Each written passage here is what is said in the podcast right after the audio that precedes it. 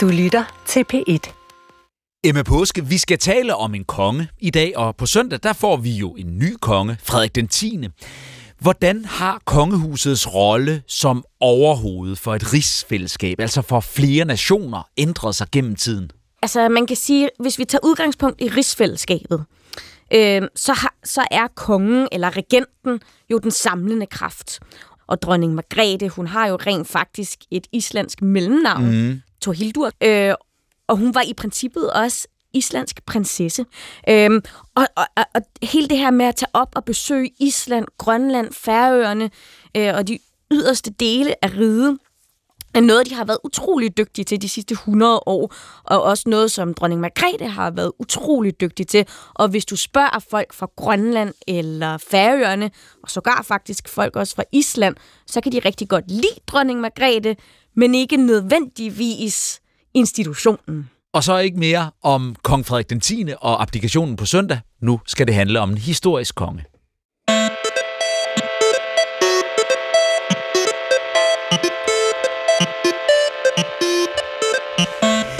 Først i 1944 blev Island en selvstændig nation. De foregående 550 år under dansk overherredømme dansede den nordatlantiske øbefolkning ikke just på vulkaner. For den danske konges embedsmænd var et protestantisk moralpoliti, der brutalt straffede falsk faderskabsangivelse og sex uden for ægteskabet. I den islandske forfatter Arnaldur Indridasons nye roman Kongen og Urmageren beskrives vulkanøens tragiske skæbner i slutningen af 1700-tallet. Det er endda i en kulørt dobbeltfortælling, der tager os helt ind i et dysfunktionelt dansk kongehus inderste gemakker. For hvem er egentlig mest moralsk anløben? De fattige islændinge i jagten på tryghed og kærlighed, eller det magtbegærlige hof i hovedstaden mange tusind kilometer væk? Forholdet mellem Island og Danmark, kongehusets blakket fortid og nutidens interesse for historiske romaner er omdrejningspunktet for anmelderne. Velkommen til Emma Påske, kant med i historie, arkivar i Rigsarkivet og medvært på DR-podcasten Dronningeriget, samt Bo Tave Michaelis, litteratur- og kulturanmelder ved Dagbladet Politikken og passioneret Indriderson-læser. Det er Jeg hedder Mathias Hammer.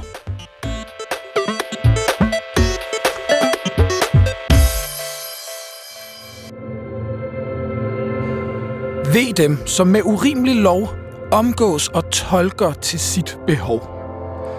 Sådan skrev den islandske digter Halgrimur Petursson, og sådan begynder bogen om kongen og urmageren, og om det venskab, de opbygger i et pulterkammer under taget på Christiansborg Slot. Urmageren Jon er i gang med at istandsætte et svejsisk mesterværk af et ur. Pludselig en nat, hvor han sidder og arbejder, kommer kong Christian den 7. forbi, og de to falder i snak. I løbet af deres samtaler udruller Jon Sivertsen sin far og hans husholderskes tragiske skæbne i Island, og den voldelige og uretfærdige behandling, de fik under kongens fars regeringstid. For i kongerigets fjerneste hjørner, ude af magtens skarpe øje, opstår selvtægt, korruption og misbrug af love og regler for egen vindings skyld. Og kongen kan spejle sig i Jons fortælling, for hans eget familieliv er heller ikke perfekt og gemmer på hemmeligheder, som minder om dem fra det rå Island. Kongen og urmageren er, synes jeg, på mange måder en page-turner. Det er 365 sider, den er relativt let at læse, den er handle, handlingsmættet og har sådan øh, relativt arketypiske, men meget stærke karakterskildringer. Man kan ikke kalde det en krimi, det er ikke sådan et uh, who done it plot, men det er en, synes jeg, at det er vel en historisk thriller. Emma, du mm. beskæftiger dig jo til dagligt med at formidle historien. Bliver historien her i uh, Kongen og Urmageren vagt til live for dig? Ja, det synes jeg. Og øh, jeg er faktisk ellers ikke sådan super glad for øh, øh, fiktion og Danmarks historie. Nej. Øh, blandet sammen, fordi nogle gange så bliver jeg personligt lidt irriteret over manglende ting.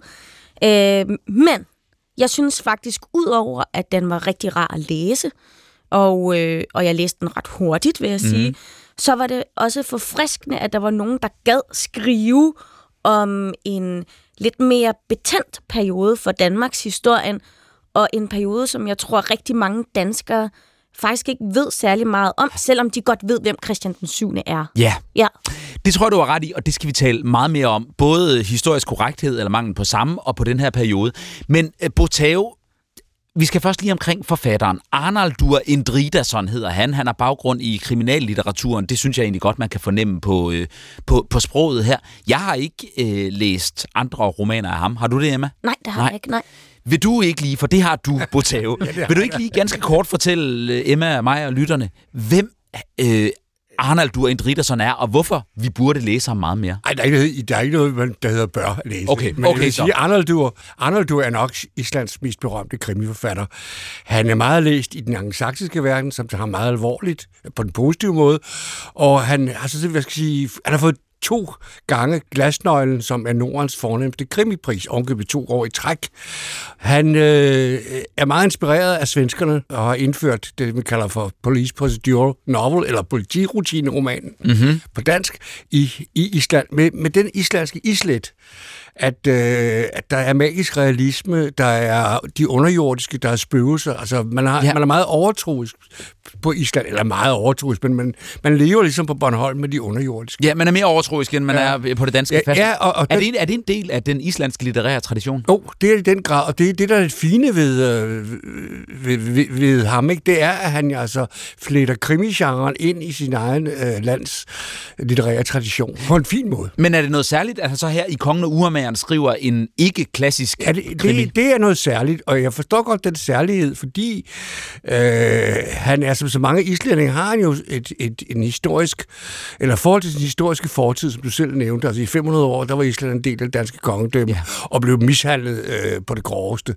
Øh, på et tidspunkt overvejede, men det står også i bogen, overvejede at rømme Island, fordi de her mennesker skulle sejles væk fra Island og placeres på London Falster, eller, Ja. eller på Samsø, tror jeg. Det var sådan nogle mærkelige teorier om, at så, man måtte opgive øerne, ikke? Ja, altså bogen øh, skildrer jo forholdet mellem Island og Danmark, og her konkret i, vi er i, i midten og i slutningen af 1700-tallet. Og vi har, når jeg siger i midten og i, i slutningen, så er det fordi, der er en, synes jeg, ret velfungerende dobbeltfortælling i bogen. Vi krydsklipper mellem Christian den 7. hof på Christiansborg Slot, hvor vi møder en islandsk urmager, Jon Sivertsen, der arbejder med at genskabe Isak Harbrigts astronomiske ur, samtidig med, at han til kongen Christian den 7. fortæller sin egen families tragiske historier et par årtier tidligere på det nordvestlige øh, Island ved Breidafjorden. Hvilken af de her to historier var I mest optaget af? Det, jeg synes, der var, der var, der var det originale ved bogen, var, at tiden altså, øh, kommer ind via uret. Altså, uret bliver et symbol i, i historien på, hvad er tid, og hvad, hvad forstår vi ved, ved mm. tid. Fordi der ligger jo også det, at det, at det er en bog, der handler om Islands fortid. Ja. Men som nu bliver levende ved at blive skrevet ind i vores nutid. Ja. Og Det synes jeg egentlig var meget, meget raffineret gjort. Emma, hvad var du mest optaget af? Jeg kunne godt lide samtalen. Mellem kongen og urmageren. Ja, det kunne jeg godt lide. Mm-hmm. Øhm, og så tror jeg, altså, mm, der er jo også, jeg har læst utrolig meget fantasy, Ja. og jeg, jeg synes, øh, ja, det har jeg altså. Jamen, der er ikke noget vej med. Det skal du ikke være for, Emma. men men øh, jeg synes faktisk, øh, altså, øh, det her med uret er, er jo faktisk sammen med spejle noget, man tit ser i, i fantasy. Mm. At det har en eller anden form for øh, øh, speciel indsigt, en måde, hvor man kan sætte tiden tilbage, samtidig med, at man er i den og ser fremad. Og, og det, det morede mig ja. i virkeligheden en lille smule. Altså, altså, krimien har også noget med spejler og tid. Ja. Tænk bare på alibiernes betydning. Hvor var det på det tidspunkt, hvor Ja. mordet blev Mm. begået? Ja. Ikke? Jeg er Ja. meget fascineret af hele det her med, med, med uret. Altså, som jo er et ur, der findes. Man kan tænke på Rosenborg ja. Slot og, og øh, se det. Og jeg synes, det bliver sådan en fascinationsmotor for mig, fordi Ja, det man, man kunne også godt have fortalt historien uden det ur, men der er et eller andet meget smukt. Ja. i, i det der meget sådan konkrete. Mm. Det foregår omkring en urmager. Et meget fascinerende fag. Jeg tænker, hvad urmager at sidde med alle tandhjulene. Han sidder op på loftet aften efter aften, nat efter nat, og, og prøver at, at, at fikse det her utrolige astronomiske ur, mens kongen kommer op og vil tale med ham om hans, øh, om hans familiehistorie. Og hele det her ur, som jo ikke bare er et ur, det er et ur, der også viser måneder og år og uger, viser livets gang, og øh, øh, livets faser er symboliseret. Døden ringer på en klokke.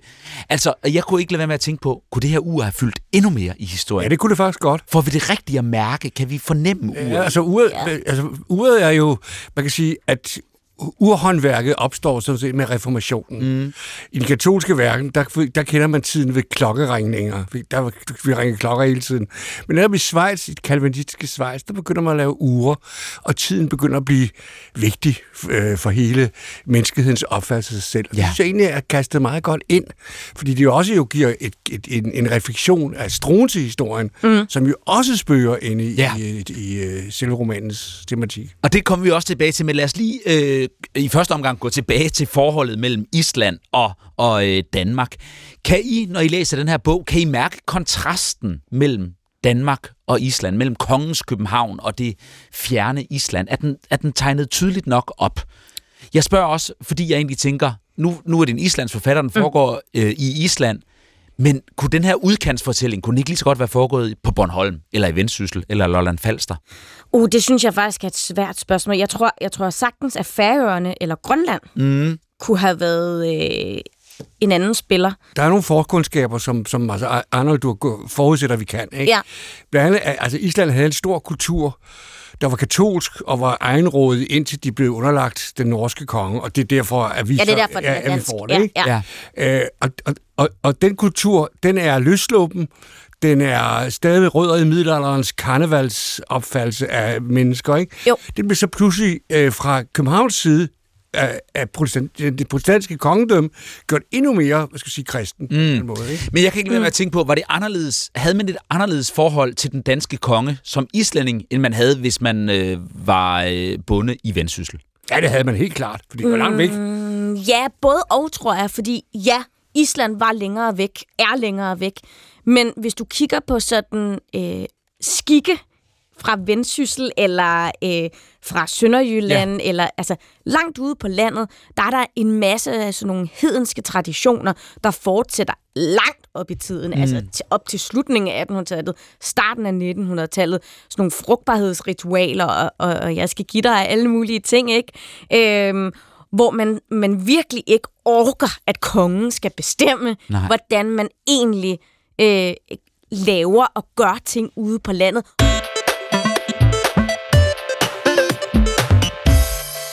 Der er et eller andet med at adskille Island og Danmark her, i, øh, altså for, for 250 år siden. Og øh, jeg har lige fundet et sted i begyndelsen af, af romanen, hvor øh, der står, kongen, altså Christian den 7., huskede ikke, hvorfor Island egentlig tilhørte det danske rige. Han erindrede svagt noget om en flere hundrede år gammel traktat, sikkert fra dengang, hvor kronen underlagde sig Norge og afkroge som Island og Grønland så var fuldt med. Men kongen var mere optaget af andre sydligere beliggende kolonier, som Trankebar og de vestindiske øer. Hans geheime arkivar var dog islænding, og kongen mindedes, at islændingen havde forsvaret Københavns byporte bragt gennem tiderne mod de forbandede svensker. og det står der så, altså, kongen, nå, jeg, hvad, jeg er også konge over Island, jeg ved dårligt, hvad det er, jeg kommer aldrig derop, og det siger mig ikke noget. Altså, at, at, for det første, jeg tror du, det er realistisk, Emma? Nej, Nej det han, tror jeg jo faktisk nej. ikke. Men det er også fordi, at selvom at vi, vi har den her fortælling om Christian den 7., som let er sindssyg, mm. og ikke i stand til at varetage øh, sit væv som konge, så havde han faktisk rigtig mange år som ung konge og som kronprins, hvor han øh, øh, tog på dannelsesrejse, han var utrolig lært, han øh, viste rigtig gode takter, han var øh, belæst, han vidste utrolig meget om Danmarks historien. Så, så altså, han er jo dobbelttid på den måde, yeah. ikke?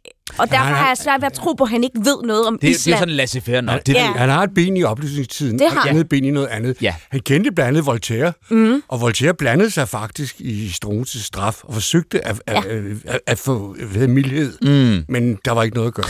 Øhm, det, det står der også et, et andet sted i bogen, altså fordi Struense, oplysningsmanden, der kom til Christian den 7. hof. Fra og, Altona. Ja, og betød så utrolig meget, og så var der hele den erotiske øh, affære med, med dronningen, som gjorde, at han så endte med at uh, måtte lade livet. Men det, han spiller også en rolle, Struens. Han er jo død på det her tidspunkt, hvor historien foregår. Men der står nemlig også et sted i bogen, øh, at øh, kong Christian den 7. siger, Struense ville mig ikke noget ondt, øh, sagde kongen, som om han sørgede over en gammel ven. Han var aldrig andet end til gavn for mig og for danskerne. Så mange ting alle de mange gode idéer, han havde. Men han var ja, han var skamløs, udnyttede vores venskab. Han var en slyngel, men min kære Louise Augusta. Altså det der med, at Christian den 7. sidder og mindes, at han har været skyld i Struenses i oplysningsmandens død, mm. men at, at han var også min ven. Han var god nok. Det tror jeg er rigtigt nok. Tror du det? Ja, fordi uh, Struense tog jo med øh, Christian den 7. på tur, og der, der, der knyttede de et ret stærkt bånd. Og øh, altså, Christian den 7. har også godt vidst, hvad Struense gik og lavede. Altså, han har stadigvæk skrevet under på ting, og det kan godt være, at han havde en psykisk sygdom, men han, var, han, han vidste godt, hvad oplysningstiden var. Han kendte til idealerne. Han var interesseret i Struenses meninger, ligesom han var interesseret i Karoline Mathildes meninger, mm. øh, fordi Karoline Mathilde var lige så meget med ind på øh, oplysningstiden og støttede Struense. Så man skal se det som sådan et et trækløver, som, som virkelig var enige om at reformere Danmark. Ja. Øh, og der er sikkert nogen, der er uenige med mig i det her. Men jeg, jeg tror, at man, at man skal se det som, at de alle sammen var venner. Så kan jeg ikke lade være med at spørge, hvad er Arnaldur Indridassons øh, bevæggrund for at skrive den her roman. Altså, der har været så meget debat om vores forhold til Grønland og vores gamle ja, kolonier. Det, jeg, jeg, jeg, er det her er, er det partsindlæg? Ja, det synes jeg, eller det tror jeg faktisk, det er. Det er også måske for at gøre opmærksom på, at den der skandinavistiske eller nordiske øh, sammenhæng, som vi jo dyrker i, mm. tiden, ikke? Mm. at den er altså ikke, den er af nyere dato, og der er altså nogle ar i, i, i øh, vores historieforhold øh, mellem Island og Danmark. Og jeg tror også, altså nu øh, øh, gav vi heldigvis håndskrifterne til Island, og ja. det har mildnet meget øh, danskerhadet, eller øh, danskertiden. Altså det, det, det var en gestus, som islændinge aldrig glemmer. Og altså et af de islandske sager, Ja, man i, i gang i ja. 60'erne, at der forærede man faktisk den islandske øh, håndskriftsamling til, til Island, hvor de er i dag i deres egen samling op, op i Reykjavik. Ikke? Ja. Og det tror jeg har betydet meget for den øh, vennesalhed, der alligevel er mellem, os, mellem, mellem altså islændinge og, og danskere. Ikke? Jo. Jeg oplever, at øh, historiske romaner måske nok altid har været populære, men er ekstra populære i de her år. Vi elsker at blive ført tilbage i tiden og ligesom forsøge at dufte og smage og, og, og mærke fortiden. Hvorfor er vi så optaget af, af fortiden i, ja, lige nu? Det er vi altid i krisetider. Det er eskapisme. Ja. ja. Ja. Det er også et forsøg at finde en sammenhæng, som man ikke finder i sin nutid. Den kan man finde i sin fortid, specielt de historiske romaner. De historiske romaner er jo altid ude på at forsone historien, mm. oftest. Hvad forsoner kongen og urmageren? De forsoner det venskab, de får mellem hinanden. Der opstår en, en, en, en menneskelighed, en menneskelig varme, som overstiger det klassiske, der må være mellem de to. Ja. Og som kronprinsen jo ikke har sans for. Altså, øh, også at Christian 7. store kærlighed var støvlet, Katrine, altså den her frille, ja. som han løber rundt i nattelivet med, ja. og som bliver spidt ud af landet, fordi hun er en luder i virkeligheden. Ikke? Altså, den, den har en menneskelighed, der siger, at, at, at selvom du er konge, og selvom du er, øh, er ur- urmager, jamen så er der, opstår der en, en, en, en kærlighed mellem de to mennesker. Ikke? Den køber jeg fuldstændig historiske romaner til krisetider og til forsoning. Men mm. der er jo også det med historiske romaner, særligt som her, at det ikke bare foregår i fortiden, men det er også historisk virkelige karakterer, at der er et eller andet med, hvor, hvor, øh, hvor, frit, hvor frit må man skrive dem. Og her har vi altså blandt andet Christian den 7., som vi ved en, en del om. Ja. Og Emma, du indledte også med at sige, at du havde det nogle gange lidt svært med historiske romaner, netop ja. på grund af det her. Det skal historikere have. Ja, ja. ja, det skal en historiker have, præcis. Hvordan oplever du, hvordan oplever du, at Christian 7. bliver portrætteret i bogen? Er det, er det en troværdig portrættering? Øhm, det er et meget svært spørgsmål at svare på, men øhm, jeg vil sige, jeg nød faktisk øh, øh, ret meget skildringen af Christian den 7. Øh, og det selvom jeg faktisk ved øh, relativt meget om ham. Mm. Og, og der er også nogle ting, som jeg er helt uenig med ham i. Øh, altså forfatteren. Mm. Og jeg kan også godt se, at der er nogle ting, man bliver nødt til at skrue på, dreje på, gøre, sådan så det passer bedre i fortællingen. Min største anke er øh, sådan set, når det er, at man øh, ikke kan genkende den historiske person, og jeg kan sagtens genkende Christian den 7. Ja. ja. Øhm, og så er der jo et, et ret fint litterært greb, fordi vi har en historisk rigtig figur, Christian den 7., og så har vi en fuldkommen fiktiv figur, Jon Sigurdsson, så kalder sig Jon Sivertsen, som er urmager. Og det er jo ligesom øh, igennem mødet mellem den konkrete konge og den fiktive Jon, at, at historien øh, begynder at blomstre. Ja, det hedder på engelsk en, employment, en, altså at, at sætte historiske personer ind i et plot, employment. Okay, ja. Øh, og det, det går også tilbage til Ivanhoe, hvor Rikard Løvehjerte og Robin Hood, for den ene er historisk konge, og den anden er øh, ren soundfigur mødes, mm-hmm. ikke? Og øh, det er fuldstændig rigtigt, at historikere skal være kritiske over for historiske romaner. Vi er aldrig og vi kan være med at sige, så længe stemningen, eller øh, altså, altså, så længe man har en opfattelse af, at sådan har historien nogenlunde været. Altså, hvis man begynder at, at plante historiske ting, som ikke findes, altså at, at Napoleon sejrede ved Waterloo, ikke? så vil selv en, sådan litterat som jeg sige, at det går altså ikke. Nej. Men, men så vil jeg også sige, at der er sket en, en, en omfortolkning af Christian 7., mm-hmm. som også ligger op af en omfortolkning af Struense. Ja. Da jeg gik i skole, der var de skurke begge to. Ja. Den ene var rappelende sindssyg, den anden var gik i seng med hans kone. Ja. Men nu er det nu, og jeg er fuldstændig enig med den omfortolkning, at Christian 7. har nok ikke været så, så galt, som jeg fik det at vide i folkeskolen. Og Struense var jo en, en oplysningsmand, mm. inspireret af Voltaire og Rousseau. Ikke? Jo. En stor oplysningsmand. En stor oplysningsmand, ja. Og stor, den eneste. stor betydning for Ja. Skal man også Ja. lige huske, at Danmark dengang, altså i 17 i 1700-tallet, var altså virkelig en udørk, rent filosofisk og Ja. ja. ideologisk. Ja. Det, var anset, der var kun Rusland, der var værre, sådan rent des, despotisk. Emma, hvad ved vi om øh, forholdet på, øh, på slottet på Christiansborg Slot på det her tidspunkt? Ved vi for eksempel, at øh, det var udtalt, at øh, Louise Augusta, prinsessen, ikke var Christian den 7. biologiske datter? Ved vi, at han vidste det? Uh, altså, det er jo uh, historisk sladder, kan man også og det er sige. det, jeg vil ind på. Ligesom Madrid. ja. ja. altså, øhm, der er i hvert fald mange ting, der tyder på, at øh, Karoline Mathilde, hun oftere øh, havde sex med Struense end Christian den 7. Og der derfor øh, kan være god grund til at tro, at Louise Augusta egentlig var Struenses datter. Mm. Blev hun ikke kaldt La Petite Struense? Jo, det gør hun nemlig. Og hvis du kigger på, på malerier af hende, så vil jeg også sige, at hun ligner lidt mere Struense Ja. end, end det har- Christian den 7. Og det har Christian den 7. sikkert godt kunne se. Det har han sikkert kunne sige. Ja. Men, men jeg tror ikke, det har været et problem for Christian den 7. Vi møder også, eller det gør vi ikke, fordi øh, hun, er, hun er død, men, men hun bliver omtalt i historien Støvlet Katrine, Ja. som jo også er øh, hele Danmarks øh, mest berømte prostituerede. Eller, altså, Karen det, Bliksen har skrevet om. ikke? ja, Ja, altså, vi- vi- det er et navn, vi kender, Christian den 7. Øh, glædespige. Hvad ved vi om hende? Altså, at, at det er jo også sladder. Hvorfor er hun med i den her roman? Og hvad, øh, Jamen, altså, jeg tror, at det er jo en god historie, ikke? Ja. Øhm, at, øh, at Christian den 7. han øh, dyrkede sadomasochistisk sex i Nyhavn med en kvinde, der hed øh, Støvlet Katrine, ikke?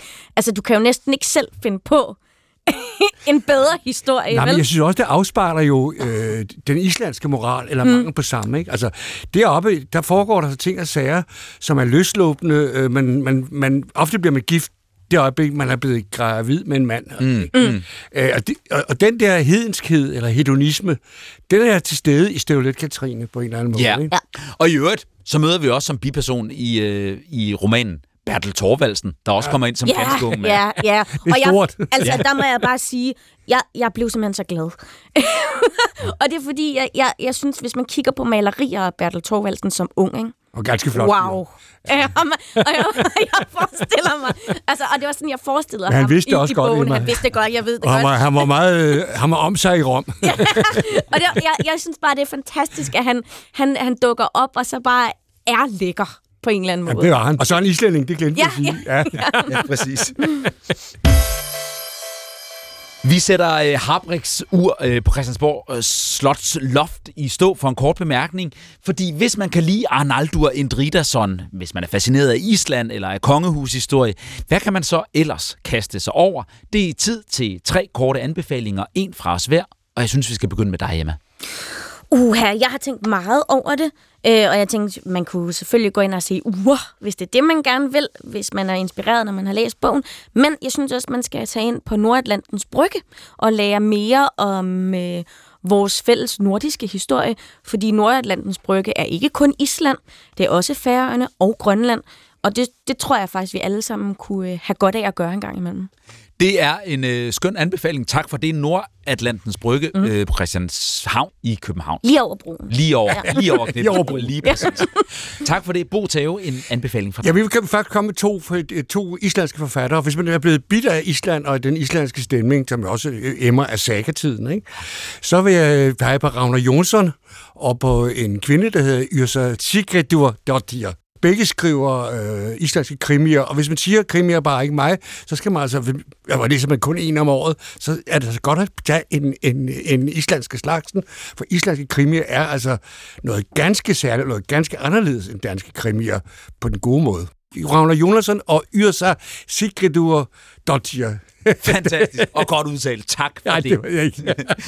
jeg vil også gerne anbefale litteratur, ikke kriminalstof, men øh, historiske romaner øh, af det, der vil er den danske historiske romandronning, nemlig Maria Helleberg. Øh, og jeg øh, var meget optaget af Louise Augusta i Kongen og Urmageren her, og det fik mig til at mindes, at jeg for to årtier siden, eller sådan noget, læste den mobbedreng af en roman, der hedder Kærlighedsbarn, som netop handler om Louise Augusta, om hendes øh, rolle som, som prinsesse i det danske rige. Hun skal giftes med øh, hertugen nede på Augustenborg nede i Sønderjylland for at forene storriget. Hun skal lære at elske ham, hun skal lære at elske med ham. Det er ikke nemt, hun er en skæbne, men hun er også et livsstykke. Og Maria Helleberg kan skrive, så man virkelig kan mærke karaktererne. Så det var øh, tre anbefalinger herfra, og så synes jeg, vi skal afslutte øh, anmeldelsen af Arnaldur Indridassons Kongen og Urmageren. Emma, skriver den her bog sig ind i en større historiesult, som vi har i samfundet i dag? Det tror jeg, og jeg tror ikke kun, at det er bøger, det er også øh, tv og film, der, jeg synes, der er et boom i øjeblikket. Mm. Ja. Bo, øh, vi har været øh, inde på, at det er en øh, meget detaljeret beskrivelse af det danske kongehus og en 1700-tals elite, og vi møder en masse karakterer. Støvlet Katrine, Bertel Thorvaldsen, kongens karaktertræk. Her i Danmark, der kender vi de her karakterer, de her figurer, øh, så derfor behøver der ikke så mange følgeord. Men jeg kan ikke lade være med at tænke på, hvem er den her roman skrevet til? Det er skrevet til, øh, til alle, der interesserer sig for for slavehandel, lige vil sige, og for undertrykkelse af folk. Med de ord, så er vi nået til vejs ende for øh, anmelderne for i dag. Arnaldur Indridassons Kongen og Urmageren er netop i denne uge udkommet på forlaget Gyldendal. Tusind tak til jer to, mine to gæsteanmeldere, Emma Påske, kant med i historie, arkivar i Rigsarkivet og medvært på DR-podcasten Dronningeriget, som netop i denne her uge kommer med to nye udsendelser. Ja. Kan anbefales. Og også tusind tak til dig, Bo Tave Michaelis. Du er litteratur- og kulturanmelder ved Dagbladet Politikken. I redaktionen for programmet er det Nana Slot og Gustav Hagil, og så er der mig. Jeg hedder Mathias Sammer på genhør.